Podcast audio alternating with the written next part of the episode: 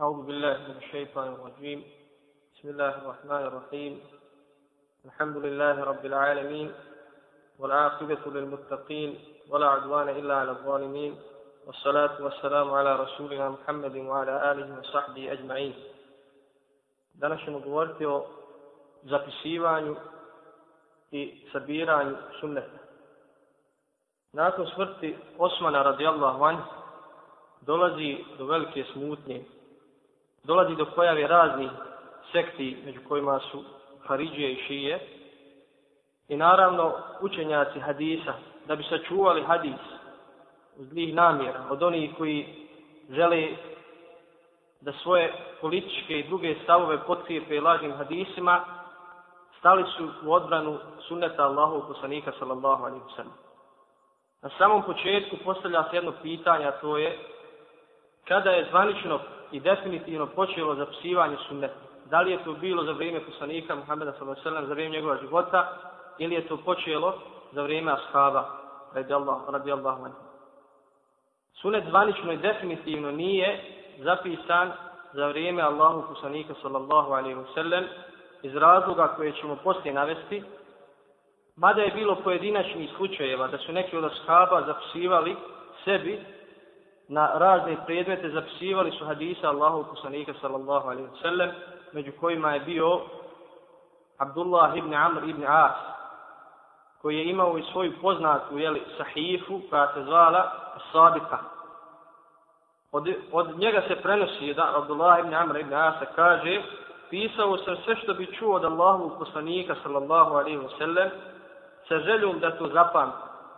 Pa su mi Kurejšije to zabranile rekli su, zapiše sve što čuješ, a Allahu poslanik sallallahu alaihi wasallam je čovjek, govori u srđbi i kada je smiren.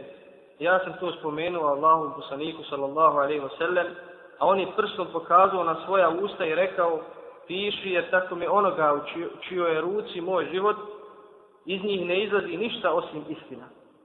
Hadis bilježe Budaud, Edarem i Ahmed.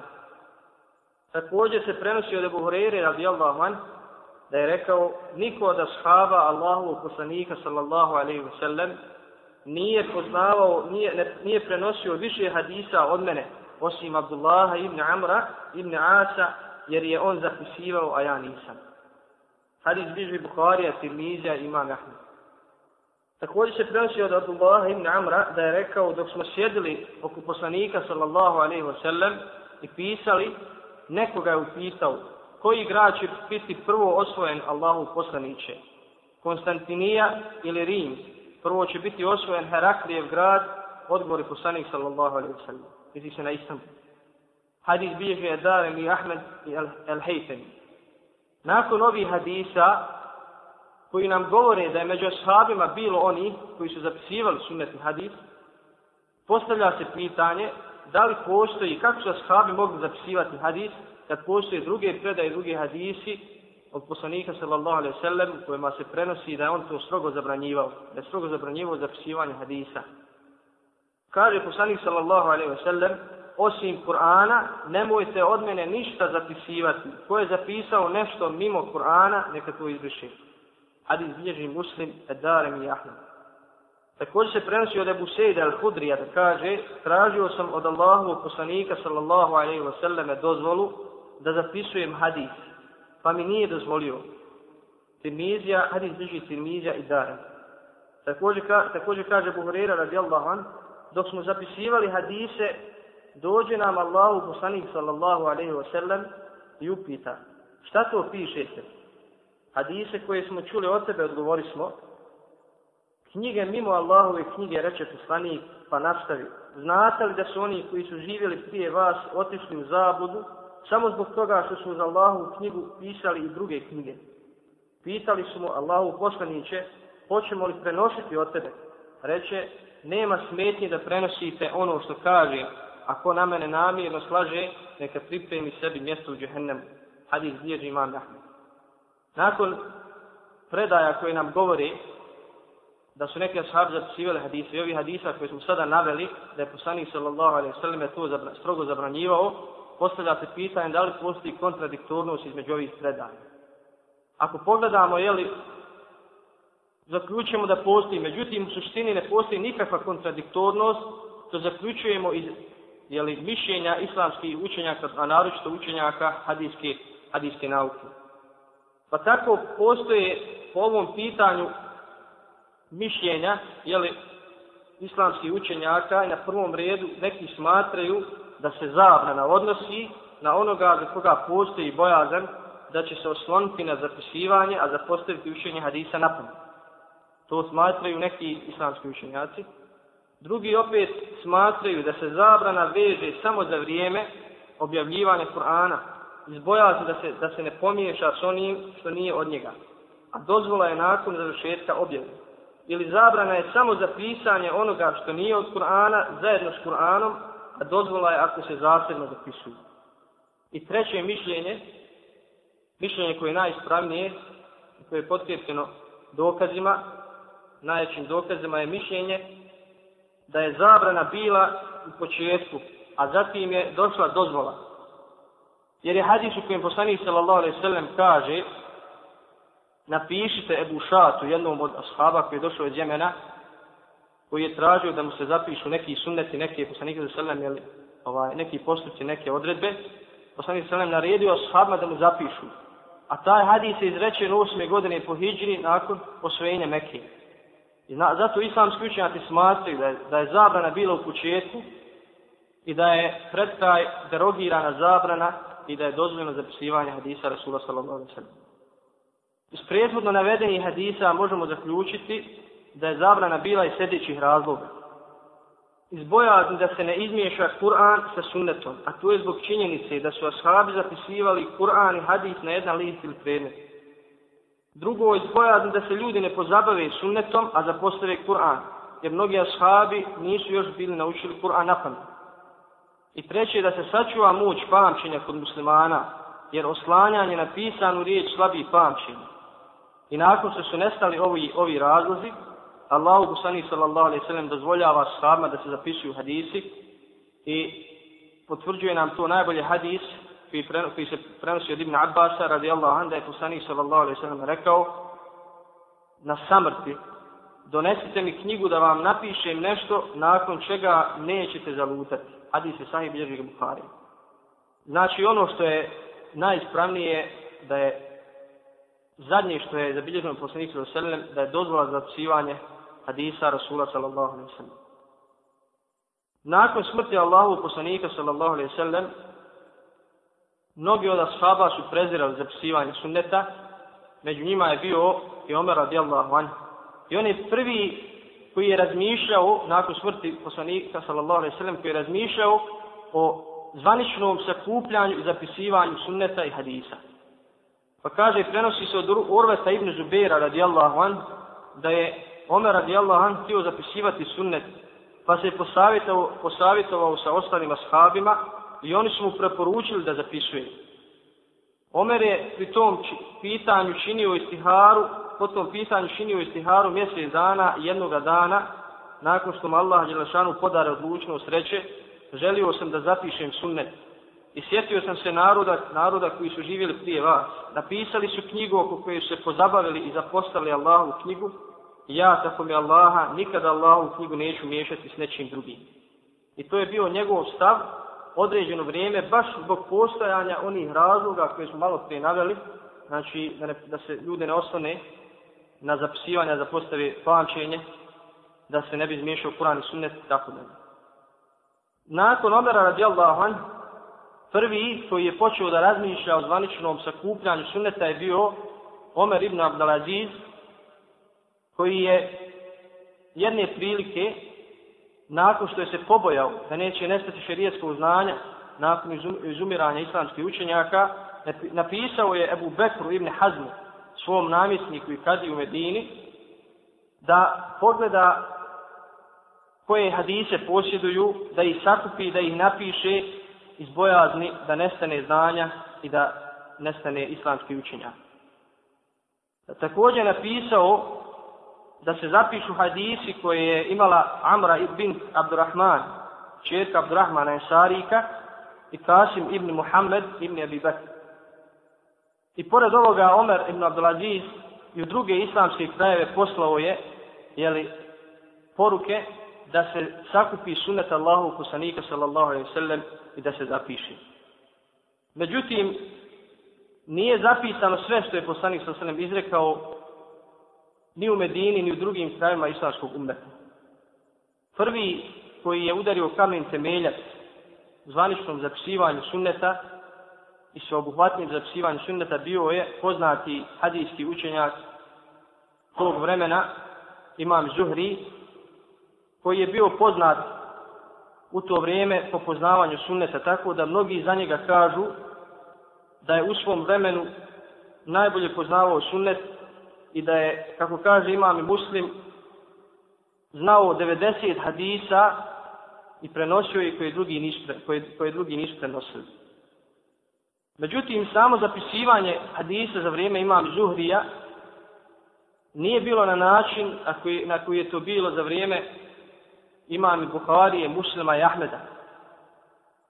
Zapisivali se zajedno sa hadisima Allahu poslanika sallallahu alejhi ve sellem zapisivali se i zapisivali se riječi ashaba, fetve tabiina i sve ono što je se vezalo za komentar jeli, određenih hadisa. Naravno, to je bio početak i svaki početak ima svoje jeli, propuste. Međutim, period i generacija koja, koja dolazi iza imami, ima, iza imama Zuhrija bila je svijeti period sakupljanja hadisa, pa zato imamo u tom vremenu prvi koji je u Mekti zapisivao i sakupljao hadise Ibn Đurejć, Ibn Ishak, a u Medini Sejid Ibn, Ibn Abi Arube, i Rabi Ibn Sabih, Imam Malik, u Basri Hamad Ibn Seleme, u Kufi Sufjan Theuri, u Šamu Ebu Amr al-Auza'i, u Asifu Hušein, u Horašanu Abdullah ibn Mubarak, u Jemenu Ma'mar, u Reju Džerir ibn Abdul, Abdul Hamid i također Sufjan ibn Ujajne. Svi ovi koje smo sada nabrojali su živjeli u jednom vremenu. I ne zna se tačno koji je od njih prvi počeo sa zapisivanjem i sa sakupljanjem sunneta. Tek treće hijđresko stoljeće je donijelo nove jeli, oblike zapisivanja sunneta i nove načine, tek u tom stoljeću nastaju zbirke koje se zovu musnedi. Među prvima koji su počeli da se kupljaju hadise na taj način, a to je sakupljanje hadisa na osnovu, jeli, e, tako što bi za, za određenog raju, za određenog ashaba, sakupili sve njegove hadise na jednom mjestu, to se zove musned. Znači, recimo imamo hadise Ibn Abbasa, sakupili, sakupili bi na jednom mjestu, znači zajedno, onda hadise Aisha, hadise. Prvi koji su počeli da zapisuju hadise u musnede, bili su Abdullah ibn Musa al-Abesi, al-Kufi, Musaddad al-Basri, Esed ibn Musa, ibn Hamad al-Huzai, i zatim nakon njih dolazi poznati poznati ima, poznati hadijski učenjak, poznati fikski učenjak, imame Ahmed sa svojim poznatim musnedom. Također sa njim su zajedno bili poznati Ishak ibn Rahavije, Osman ibn Bišejbe i drugi. Tek u trećem stoljeću, tačno 200, u drugoj polovini trećeg stoljeća, dolazi poznati poznati hadis, hadijski učenjak Imam Bukharija, također njegov učenik Imam Muslim, koji donose jedan novi način sakupljanja sunneta, to je sakupljanja samo sahih vjerodostojnih hadisa. Tako nastaje njegov spoznati sahih, najvjerodostojnija zbirka hadisa. Nakon toga nastaje jeli, sahih imam muslima. I to je bio jedan period kada je sakupljanje sunneta, sakupljanje hadisa doživjelo jedan, jedan vrhunac. Svi oni koji su dolazili poslije njih nisu donosili nešto novo, nego su samo jeli, ovaj, sakupljali neke, neke druge predaje koje, koje nisu jeli, ovaj, zabilježili ovi imami koji su malo prijavili. Samo zapisivanje sunneta, kao što smo rekli, je bilo, bila reakcija na pojavu izmišljanja hadisa. Sam, jeli, događaj, ubistva Osmana Zelani, događaj između, koji se desio između Ali i Muavije, bio je razlog nastajanja raznih sekti i raznih frakcija u islamu, kao što smo naveli, među kojima su najznačajnije Haridžije i Šije. Oni su naravno da bi da bi potkrijepili svoje pravce, svoja mišljenja, u prvom redu nastojali da krivo tumači neke jeli kuranske ajete. Naravno, to je bio teži put, teži način. I nakon toga posježu za jednim novim načinom, a to je izmišljanje hadisa koji su podržavali i potkrpljivali njihove stavove jeli, i njihove principe. Kada je faktički nastalo izmišljanje hadisa? 40. godina po Hidžri bila je granica koja je označavala kraj perioda kojem je hadis bio sačuvan i čist od laži izmišljotina i početak jednog novog perioda kojim je hadis postao sredstvo za ostvarenje političkih interesa i unutrašnjih podjela. Sukob koji se desio između Alije i Moavije postao je oružani sukob i došlo je do podjela muslimana na Haridžije, Šije i Ehli Sunnet. Nažalost, ovaj sukob poprimio je oblik vjerskog razmoilaženja i bio najvećim razlogom nastanka vjerskih pravaca i frakcija u islamu. Naravno, kao što smo rekli, ove frakcije, naročito šije, počeli su da izmišljaju hadise koji su podržavali njihov, njihove stavove i njihove, i njihov mezheb. Prvo su počeli da izmišljaju hadise o vrijednostima i vrlinama određenih ličnosti, kao što su imami, predvodnici nastali frakcija. I kada govorimo o frakcijama, jel, o šijama, i o haridžama i drugim, ne mislimo na ehli sunnet. Ehli sunnet je srednji put i oni koji su, jeli, koji su bili na istini kada je pitanje sukup između Alije i Moavije i kada je u pitanju ispravan stav. Šije su frakcije koja je prva, šije su frakcije koja je prva počela da, da, da izmišlja hadise.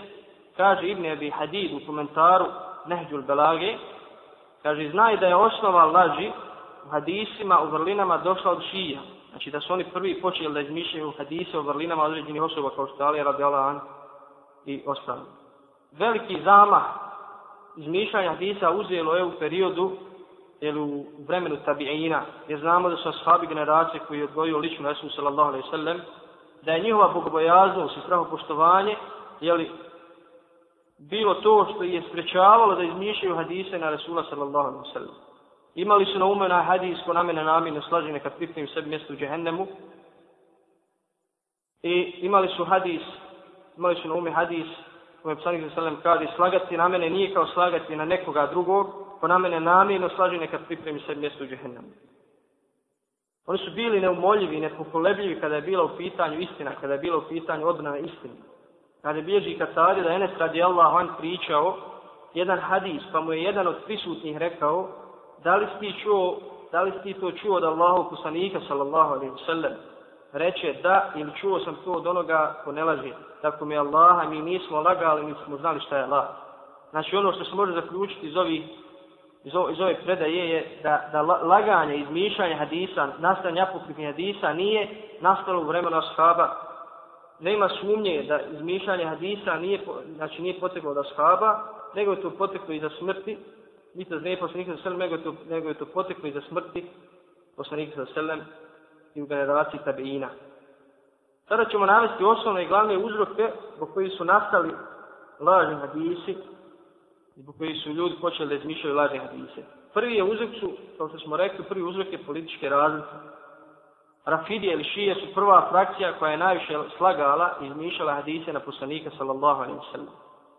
Kaže, jedne prilike Imam Malik je upitan o Rafidijama pa je rekao nemoj sa njima pričati i ne prenosi od njih jer lažu. Kaže Šurej El-Kadi, prenosi, prenosi od svakog koga sretneš, osim od Rafidija, jer oni izmišljaju hadise i uzimaju ih za vjeru. Kaže Hamad ibn Seleme, pričao mi je jedan njihov šejh, pa kaže, mi kada se okupimo i nešto smatramo lijepim, učinimo to, učinimo ga hadisom. Znači izmislimo da je to hadis. Ehli sunnet kao najveći dokaz da šije izmišljaju hadise, uzimaju apokrifni hadis koji su izmislili, a glasi vasijet oporuka je u Gadir Hanu. Pojašnjenje ovog hadisa da je poslanik sallallahu alaihi wa sallame kada se vraćao sa oprosnog hađa sakupio ashabe radijallahu anhum u mjestu zvanom Gadir Han. Uzeo je Aliju radijallahu anhu za ruku i stao s njim pred svima ashabima i dok su oni posmatrali to reče im ovo je moja oporuka i moj brat i halifa posle mene, pa slušajte ga i budite mu pokloni za ovaj hadis ehli sunnet kaže da je lažni bez sumnje i da su ga izmisla rafidije. Također hadis koji glasi ko želi da gleda u Adema a.s. s njegovim znanjem, u Nuh a.s. s njegovom bogobojaznošću, u Ibrahima sa njegovom blagošću, u Musa sa njegovom uvaženošću i u Isa s njegovom pobožnošću neka pogleda u Alim. Znači ovo su prvi hadisi koji su nastali, baš hadisi koji govore o vrlinama određenih osoba. Izmišljali su hadise o vrlinama Ahlul Bejta, poslanikov sa naselem porodice. Hadise koji, koji grde Muaviju radijallahu anhu. Mi znamo da su šije, jeli, kako oni kažu sedmi sali radijallahu anhu, da oni brane istinu i da ovaj grde Muaviju zbog onoga što se desilo između Ali i Muaviju. Kažu u tom apokrifnom hadisu, ako vidite Muaviju na mom mimberu, ubijte ga. Na ovaj način da su prešli sve granice ulaganja na poslanika sallallahu alaihi sallam. Tako da kaže Halili u dijelu El-Iršad, El, El Rafidije su u vrlinama Alije i Jehlul Bejta izmislili oko 300.000 hadisa. Nažalost, pored Rafidija, pored Šija, neki sedbenici Ehli Sunneta, zbog svog neznanja, zbog svog džehla, da bi se jeli, suprostavili, da bi odgovorili ovaj, kao reakcija na ono što su radile šije, počeli su da izmišljaju hadise. Međutim, ne u onoj mjeri koju su radile Rafidije. Primjer takvog hadisa je hadis koji se prenosi kaže u džennetu nema ni jednog drveta, a da na, na, jednom, a da na jednom od njegovih listova ne piše La ilaha illallah muhammedur Rasulullah, Ebu Bakr Siddiq, Omer Al-Faruq i Osman Nurein. Znači ovo je izmišljeni hadis koji su izmišljeni nezvali cehli sunneta da bi se jeli, su prostavili ili kao reakcija na ono što su izmišljali Rafidija i Šije. Također i pristrasne pristalice Moavije radijallahu an, koji nisu bili objektivni, koji nisu jeli, uzeli stav ehli sunneta od džemata i nisu bili sedbenici znanja, izmišljali su hadise kao na primjer hadis kome se kaže trojica su povjerenika, ja, Džibril i Muavija. Trojica su povjerenika, ja, Džibril i Muavija. Sad se postavlja pitanje, znači ovo je kada, kada u pitanju sekta šije ili rafidije, postavlja se pitanje da li su Haridžije lagale, da li su Haridžije lagale na Allahu poslaniku za S obzirom da oni, da ta, da ta sekta ili frakcija da smatra kućni veliki grije, jeli, da izlazi iz vjeri. Islamski učenjaci spominju da su Haridžije sekta koja je najmanje izmišljala hadise na Allahu poslaniku za selem, baš, baš iz ovog razloga koji smo spomenuli. To je frakcija koja se pobunila protiv Ali radijallahu an, zbog toga što je prihvatio presudu, jeli, u onom slučaju, događaj koji se desio između njega i Muavije. Razlog po kojeg su Haridžije rijetko lagali na poslaniku za selem, je njihovo smatranje da je veliki grijeh nevjerstvo. Ali pored ove činjenice, neki njihovi predvodnici se nisu sačuvali od lažina Allahu poslanika sallallahu alaihi sallam. Prenosi se od, jedno, od jednog od njihovih šehova da je rekao u istin su ovi hadisi vjera, pa vidite od koga uzimate vašu vjeru. Mi smo, kada bi nam se nešto svidjelo, to učinili hadisom. Ovu predaju bilježi Ibn Dževzi u svom dijelu, predgovor svog dijela El Maudu'ar, to je dijelo u kojem je Ibn Dževzi sakupio apokrifne hadise. Kaže Abdurrahman ibn Mehdi, Haridžije iz Indijici su izmislili ovaj hadis, kada vam od mene dođe hadis, uporedite ga sa Allahom knjigom. Pa ako bude u skladu s njom, to je moj govor. Međutim, za ova dva apokripna hadisa, ovaj prvi, ovaj drugi koji smo naveli, islamski učenjaci striktno ne tvrde da su, da su potekli od Haridžija. Prvi hadis također prenosi Hamad ibn Seleme od jednog grafidijskog šeha, šijskog šeha, pa postoji mogućnost da je pripisivanje ovog hadisa Haridžijama, Haridžijskom ševu greška. Znači postoji mogućnost da ovaj hadis potekao od, od šija, a ne od Haridžija.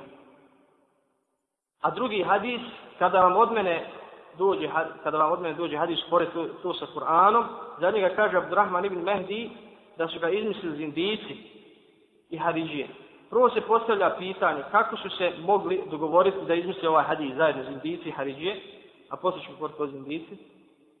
Da li su ga izmislili u vrijeme ili je neko od njih prije, neko kasnije?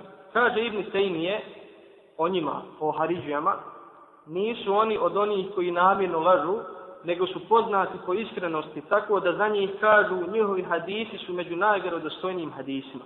Znači, Haridžije su nosili vjerodostojne hadise. Kaže za njih Ibn Taymiye, znači njihovi hadisi su među, među najvjerodostojnijim hadisima. Znači, to je prvi razlog izmišljanja hadisa, političke razlike i nastajanje, jeli, sekti i frakcija.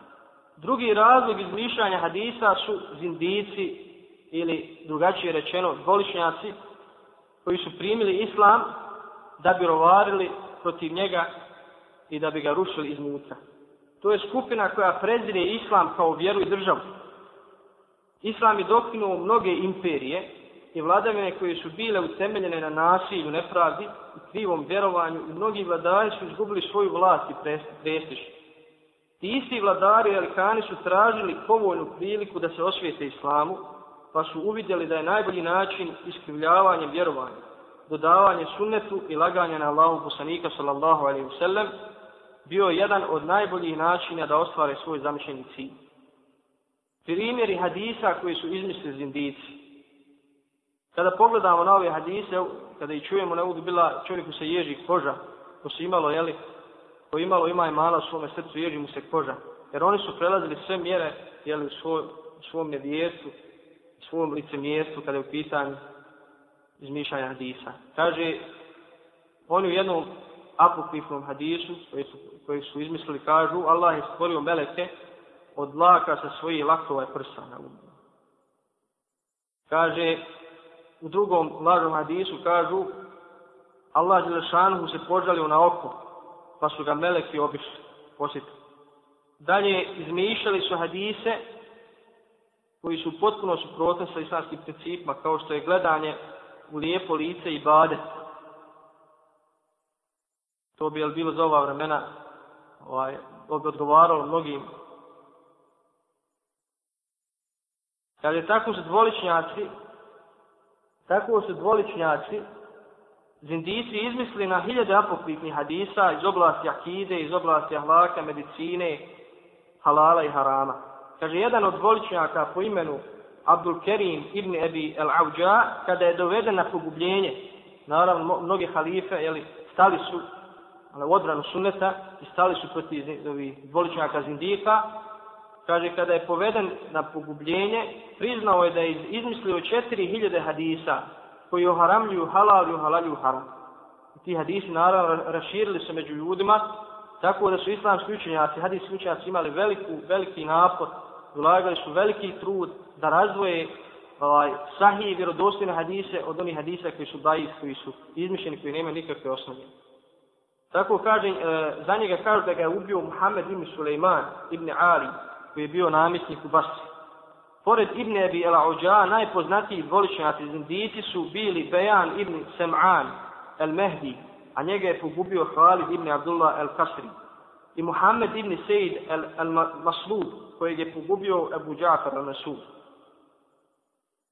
Treći razlog izmišljanja hadisa je pristrasnost rasi, plemenu, jeziku, mjestu i imamu. Zato su pristrasni sljedbenici Ebu Hanife izmišljali, izmišljali hadise koji su bili, jeli, koji su hvalili Ebu Hanifu. Jedan od takvih hadisa koji je poznat i raširen među ljudima, a sam ga čuo čak i neki jel, ubosti da spominju. Kaže, bit će, pojavit će se u mome umetu čovjek koji će se zvati Ebu Hanife, on je svetiljka moga umeta. Hadis koji nema nikakve osnove, jeli, koji nema lanca prenosla. Također oni koji su koji nisu simpatizirali imam Šafiju, izmislili su hadis kojim stoji da će se u mome umetu pojaviti čovjek koji će se zvati Muhammed ibn Idris, to je Šafija, kaže, on će biti štetniji za ovaj umet od Iblisa. Znači, ovo je bio jedan period kome je nastalo na hiljade i na stotine hiljada apokrifnih lažnih hadisa. To je znači treći razlog. Četvrti razlog su pripovjedači i vajzi koji su izmišljali hadise da bi ljude rasplakivali i da bi ljudima činili sjela prijatno. Zato ćemo vidjeti da su oni izmišljali hadise i priče koje su pripisivali Allahom poslaniku sallam. Primjeri takvih izmišljotina su riječi, to jest apokritni hadis kome stoji ko kaže la ilaha illallah, Allah će mu za svaku riječ stvoriti pticu, kljun će joj od, biti od zlata, a perje od, a perje od merđana. Kaže, jedne prilike imame Ahmed i Jahja ibn Ma'in su klanjali u mesjidu koji se zvao Rasafa. Kaže, pa ispred njih ustade jedan čovjek, propovjedač, i počeo govoriti. Pričao nam je Ahmed ibn Hanbel i Jahja ibn Ma'in, kažu, pričao nam je Abdureza kod Katade, a on od Enesa radijallahu an, da je poslanik sallallahu alaihi wasallam rekao, ko kaže la ilaha illallah, Allah će mu za svaku riječ stvoriti pticu, tu će joj biti od zlata, perje od merđana, znači prethodni hadis. hadis. Kaže, Ahmed i Jahja se pogledaše, pa Jahja upita Ahmeda, jesi li ti ovo pričao? Tako mi Allah ovo prvi put sada čujem, odgovore Ahmed. Nakon što čovjek završi, priđe mu Jahja ibn Ma'in i upita ga. Ko ti je to pričao? Ahmed ibn Hanbel i Jahja ibn Ma'in odgovori pripovjedač. Jahja mu reče, ja sam Jahja, ovo je Ahmed i nikada nisam čuo za taj hadis. Na to čovjek reče, slušao sam da je Jahja ibn Ma'in Ahmad, ali sam se u to tek sada uvjerio. Jahja mu reče, a zašto? Kaže, e, on odgovori, zar na Dunjaluku ne postoje drugi Ahmed ibn Hanbel i Jahja ibn Ma'in mimo vas dvojice? Ja sam pisao od 17 osoba pod imenom Ahmed ibn Hanbel i Jahja ibn Ma'in. Pogledam do koje su mjere išli, jeli? Da su čak i pred onima kojima su pripisivali hadise, jeli, potvrđivali svoju vlast. Ovaj, ovu predaju bilježi su juti. Također su juti spominje e, u svom dijelu koje se naziva tahdirul havaš min Akadibil Kusas. Spominje predaju u tom dijelu da je jedan od ovih pripovjedača odsjeo u Bagdadu i prenio komentar ajeta, znači protefsirio ajet, Asa in jeb'ateka rabbuka maqamen mahmuda, gospodar tvoj će ti na onom svijetu hvale dostojno mjesto drva.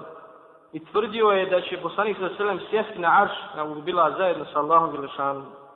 To je čuo Muhammed ibn Đerir i žestoko se naljutio. naljutio. Otišao je njegovoj kući na vratima napisao Subhane men lejse lehu enis, vela lehu ala aršihi želis. Slavnje neka je onaj ko prijatelja, sudruga nema, inači arš niko sjesti neće. Kada je ovo svijet pročitao, navalili su na njegovu kuću i kamenovali tako da je kamenje zatrpalo vrata.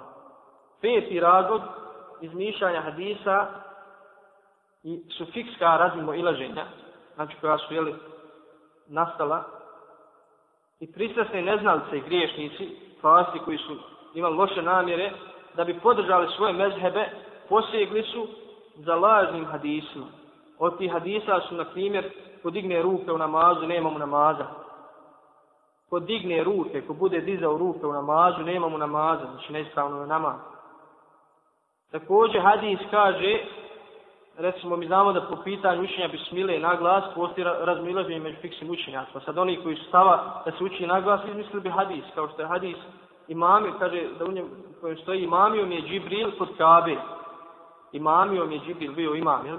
imamio je Džibril kod Kabe i učio je naglas Bismillahirrahmanirrahim. Također znamo da stoji u jednom maknutom hadisu, kaže ko kaže da je Kur'an stvoren, postao je nevjednik. Znači oni koji su ovaj, to je stavljeno suntra da, da je Kur'an Allahu govor, tu se čuli, da nije stvoren. Međutim, e, mnogi da bi to potkrijepili hadisima, ne znači da je to, da je to zabranjeno iz hadisa, izmislio hadiskom i kaže, ko kaže da je Kur'an stvoren, postoje nevinik. Mađe, mada je među islamskim i među islamskim učenjacima bilo oni koji smatrali, jeli, e, ko kaže ko smatra da je Kur'an stvoren, da je to nevjerstvo kao što imam Ahmed, kao što imam Ahmed. To je bio njegov stav. Šesto, šesti e, razlog mišljanja hadisa je nepoznavanje vjere uz postojanje, uz postojanje želje za hajrom. Imali su jel, dobre namire, ali su bili džahli, nisu poznavali vjeru. Često su pobožnjaci, dobri, dobri ljudi izmišljali hadise da bi posticali ljude na hajr, na, na dobro, vjerujući da se na taj način se bliži uzvišenom Allahu Bilšanu. Tako što su islamski učenjaci upozorili na to hadisom, ko na mene namjerno slaži neka pripremim sebi mjesto u džehennemu, oni su rekli, mi lažemo, mi ne lažemo na poslanika, mi lažemo za poslanika. Kaže, i primjer izmišljenih hadisa, koji su izmislili e, neuki pobožnjaci, možemo slobodno vrsti ovu jel, kategoriju hadis, držite se imana svojih nana ili možemo to karakterisati kao, kao pristrasnost mezhebu. Primjer izmišljenih hadisa su hadisu, hadisu o vrijednosti određenih kuranskih sura. Znači ako bi, ako bi ovaj, htjeli da, da, da pohvali neku suru i da, da je učenje te sure ima svoje vrijednosti vrlin, on bi izmislili hadis o tom. Kaže, Nuh ibn Ebu Merijem je priznao da je izmišljao hadise na ovu temu. Upitan je otkud da ti prenosiš hadise od ikrime od Ibn Abbasa u vrijednosti učenja pojedinih sura, kad niko od ikrimenih učenika od njega ne prenosi takve hadise. A on je odgovorio, primijetio sam da ljudi iz dana u dan sve više zapostavljaju učenje Korana, pa sam izmišljao hadise o vrijednosti učenja Korana kako bi ih postekao na to. Ne znajući da postoje jel, sajih hadis koji govore o vrijednosti učenja Korana i nije, nije imao potrebe za izmišljanje apetnih hadisa. Sedmo, sedmi razlog izmišljanja hadisa je približavanje vladarima i emirima onim što odgovara njihovim željama i prohtjevima. Primjer spomenutog je postupak Gijasa ibn Ibrahima kada je došao kod halife El Mehdija, a on se zabavljao s golubom. On mu je spomenuo hadis, kome je Psalmi Veselim kaže, nema natjecanja osim u streljaštvu, devama i konjima. Pa je dodao ili pticama, nakon što je vidio, jeli, ovaj, El Mehdija halifu, da se, da se zabavlja sa golubom. Kaže da, da, bi, da bi zadovoljio Mehdija, da bi postigao njegov zadovoljstvo. Kaže, Mehdi mu za uzvrat podari deset hiljada srbenja. Naravno da Allah Đelešanuhu nije u svakom vremenu dao ljude, učenjake koji su stali nasuprot oni koji su izmišljali hadise, u ovu vjeru bi se svašta uvuklo i ova vjera bi se, jeli, ovaj, skrnavila, kao što je to bio slučaj sa ostalim vjerama da Allah Đelešanu nije dao ljude koji će čuvati ovu vjeru nikada ne bi uspjeli saznati laž, nikada ne bi mogli razlučiti šta je vjerodostojno, šta nije, da nisu, da nije Allah Žešanu dao ove učenjake, da, da, da, koji su postavili određena pravila, određene principe na osnovu koji su jeli, saznavali, spoznavali koji je hadis je vjerodostojno, a koji nije. Kako, postavlja se pitanje kako prepoznati apokrifni hadis, da li postoje neki znakovi na osnovu koji možemo prepoznati apokrifni ili lažni hadis. Hadijski učenjaci su uložili ogromne napore dok su odvojili i objelodanili hadise koji su izmišljeni na Allahu poslanika sallallahu od onih koji su vjerodostojni. Na takve vrste hadisa oni su kazali u zbirkama apokrifnih hadisa, a jedna od takvih zbirka je ona Kitabul Maudoat od Ibn Dževzija koju smo predodno spomenuli. Uz to su spomenuli islamski učenjaci neke znakove na osnovu kojih možemo raspoznati, raspoznati apokrifni hadis od onoga, od, od, jeli, od ispravnog vjerodosnog hadisa. Imamo znakove koji se nalaze u samom senedu lancu prenoslaca, imamo znakove koji se nalaze u samom mesnom tekstu hadisa. Prvo ćemo navesti jeli, znakove koji se nalaze u senedu hadisa. Prvo, kada neko sam prizna da je izmišljao hadise, kao što je to Abdul Karim ibn Abi al-Auđa, priznao da je izmislio 4000 hadisa. Drugo, da ravija hadisa bude poznat kao lažac, poznat među ljudima, i da hadis ne prenosi ni jedan povjerljiv ravija. Hadijski učenjaci su pridavali pažnju u, pozna, poznavanju lažaca i njihove biografije i pomno su istraživali hadise koje su oni izmišljali.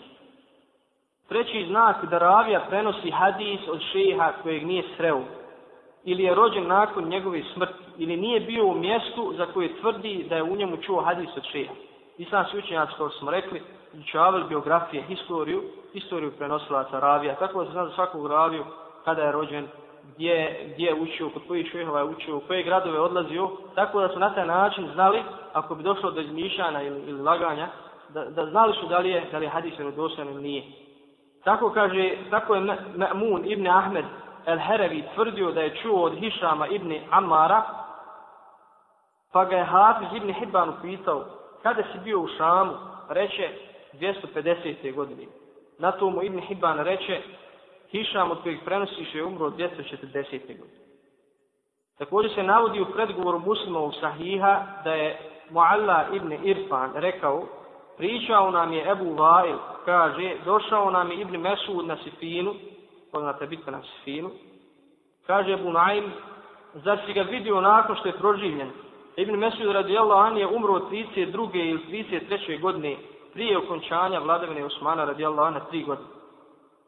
Četvrti znak apokrifov hadisa u senedu je da ponekad neke okolnosti i stanje samog ravi otkrivaju hadise, otkrivaju hadise koji su izmišljeni. Bilježi Hakim od Sejfa ibn Omera et Temimija da je rekao jedne prilike smo bili kod Saada Tureifa kad mu dođe njegov sin plaćući šta ti je upita ga on udario me učitelj odgovore on danas ću i sigurno poniziti reče mu otac pričao mi je istime od Ibn Abbasa sad navodi hadisa pričao mi je istime od Ibn Abbas, on od poslanika sallallahu alaihi sallam, da je rekao najgori od vas su učitelji vaše djece.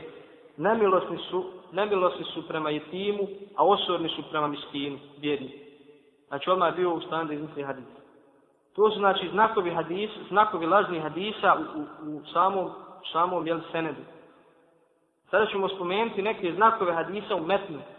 Prvi znak je plitko umnost u izrazu i značenju. Muhammed s.a.v. bio najre, najrečitiji čovjek. Govorio je isključivo književnim arapskim jezikom. Njegove riječi su bile jezgrovite i sadržajne, pune mudrosti i pouka. Mogućnost bilo kakve greške u izrazu i značenju bila, bila je isključena. Kada se u tekstu hadisa njegovom značenju nađe nešto od toga, to ukazuje da bi se moglo raditi o apokrifnom hadisu. Od ovo se mogu podvesti hadisi u kojima se za neznatna djela obećavaju velike nagrade i za sitne prijestupe prijeti i teškim kaznima. Na primjer, hadis koji je izmišljen, ko kaže la ilaha illallah, uzvišnji Allah mu stvori pticu koja govori 70.000 jezika. Svaki jezik na 70.000 e, jezika za njega traži oprost. Tu spadaju i svi hadisi u kojima se za neku učinjeno djelo nagovještavaju nagrade poslanika, na primjer, ko klanja toliko i toliko rekata duha namaza, imaće nagradu 70 vjerovjesnika. Drugi znak u samom tekstu hadisa, koliko hadis protivriječi kuranskom tekstu i nije moguće naći kompromis značenju. Na primjer, vambračno dijete neće ući u džennet. Apokripni hadis koji se kosi sa kuranskim ajetom, la teziru wa ziretu vizra uha. Niko ničiji teret neće nositi, niko ničije grijehe neće nositi. To se, znači, kosi sa kuranskim principom. Treći znak, ukoliko hadis protiv riječi mutevatir hadisima i nije ga moguće s njima uskladiti. Na primjer, hadis apokrifni u kome stoji, ukoliko do vas dopre hadis koji potvrđuje istinu, prenosite ga svejedno, da li sam ga ja rekao ili nisam. Ovaj hadis je kolizije, jel, suprotni sa mutevati hadisom, koji smo naveli, koji kaže, ko na mene namjeno slaži neka pripremi sebi mjesto u džihennemu. Četvrti znak u tekstu hadisa, ukoliko se hadis kosi sa zdravim razumom, a nije mu moguće dati relevantno tumačenje. Na primjer, hadis, apokrifni hadis kome stoji, kaže, Nuhova lađa je obišla oko, oko Kabe sedam puta, a zatim klanjala dva rekata iza Nakam Ibrahima. Peti znak u tekstu je da hadis bude u suprotnosti sa iđmaom, sa konsenzusom u Leme, na primjer, ko, ko naklanja neke farzove u zadnjem petku od mjeseca Ramazana, to će mu biti nadoknada za svaki namaz koji ga je prošao u životu do 70 dana. Znači ovo oni koji jeli, ne klanjaju hoće da, da za jedan dan nadoknade sve, mogu uzeti ovaj hadis za, za dokaz koji su izmišljali čak i medicini, kažu patliđani lijek za sve bolesti. Ili pogled u, u lijepo lice poboljšava vid. Sedmi znak je ako se hadis kosi sa općim pravilima vjere, na primjer, kome se rodi dijete, pa mu da ime Muhammed, ući će u džennet i on i njegovo dijete. Mi znamo da čovjek ne može jeli, da zaradi, ne može da zaradi džennet zbog nekih jeli, postupaka kao što je nadjevanje imena, nego čovjek zarađuje džennet sa jeli, Allahovom milošu, odnosno svojim djelima. Osmo, ukoliko pripadnik nekog mezheba prenosi hadis koji govori u prilog njegovom imamu, a kudi ostale imame, na primjer, hadis koji smo, koji smo prethodno spominjali, u mom umetu će se pojaviti čovjek koji će se zvati Ebu Hanife, Nu'man, on će biti svjetiljka mog umeta. I hadis koji govori i šafije, da će ovaj, da se pojaviti u mom umetu čovjek po imenu Muhammed ibn Idris, on će biti štetniji za ovaj umet od Idrisa. To su uglavnom bili osnovni razlozi, mada postoje drugi razlozi izmišljanja hadisa i izmišljanja apostolnih hadisa, ovo su osnovni razlozi i usnavski učenjaci, kao što smo rekli, uložili veliki napor da sačuvaju, da sačuvaju ovu vjeru, da se čuvaju sunet Allahu poslanika sallallahu alejhi ve sellem jer napad na sunet kao što smo rekli je napad na Kur'an direktno napad na na na Allahu Đelešanu vjeru. Toliko za danas. Molim Allaha dželešanu da ove riječi nam budu od koristi da izvučemo pouke i da vas Allah dželešanu nagradi. Assalamu alaikum wa rahmatullahi Također, na našim prostorima postoji jeli, apokrifni hadis koji je izmišljen, a to je šeitanova i blisova ili ispovijest poslaniku sallallahu alejhi ve sellem. Kao i ovi hadis koji smo malo prije navodili, je li nema nikakve, nema ovaj hadis nema nikakve osnove, nema seneda lanca prenosla. Zato ovo je pouka za nas. Kada u pitanju prenošenja navođenja hadisa, ne smijemo naročito hadisi koji u sebi imaju ove znakove. Bilo, jel, naravno mi sened manje poznajemo, ali na, u metnu tekstu hadisa, ako, ako najeđemo na neke znakove koje smo naveli, trebamo biti oprezni da ne bi prenijeli apokrifni lažni hadis u tome učestvovali. Često se desi da ljudi želje iz ljubavi prema ovoj vjeri prenose apokrifne lažne hadise. Između ostalog ima ona, ima ona Nurdova i za nju postoji jedan hadis apokrifan. Imaju e, uh, apokrifni hadisi koji govore da u određenim danima nije dozvoljeno, nije lijepo raditi određena djela recimo navodi nije utorak lijepo se žen, nije, nije usred lijepo rezati nokte i tako dalje.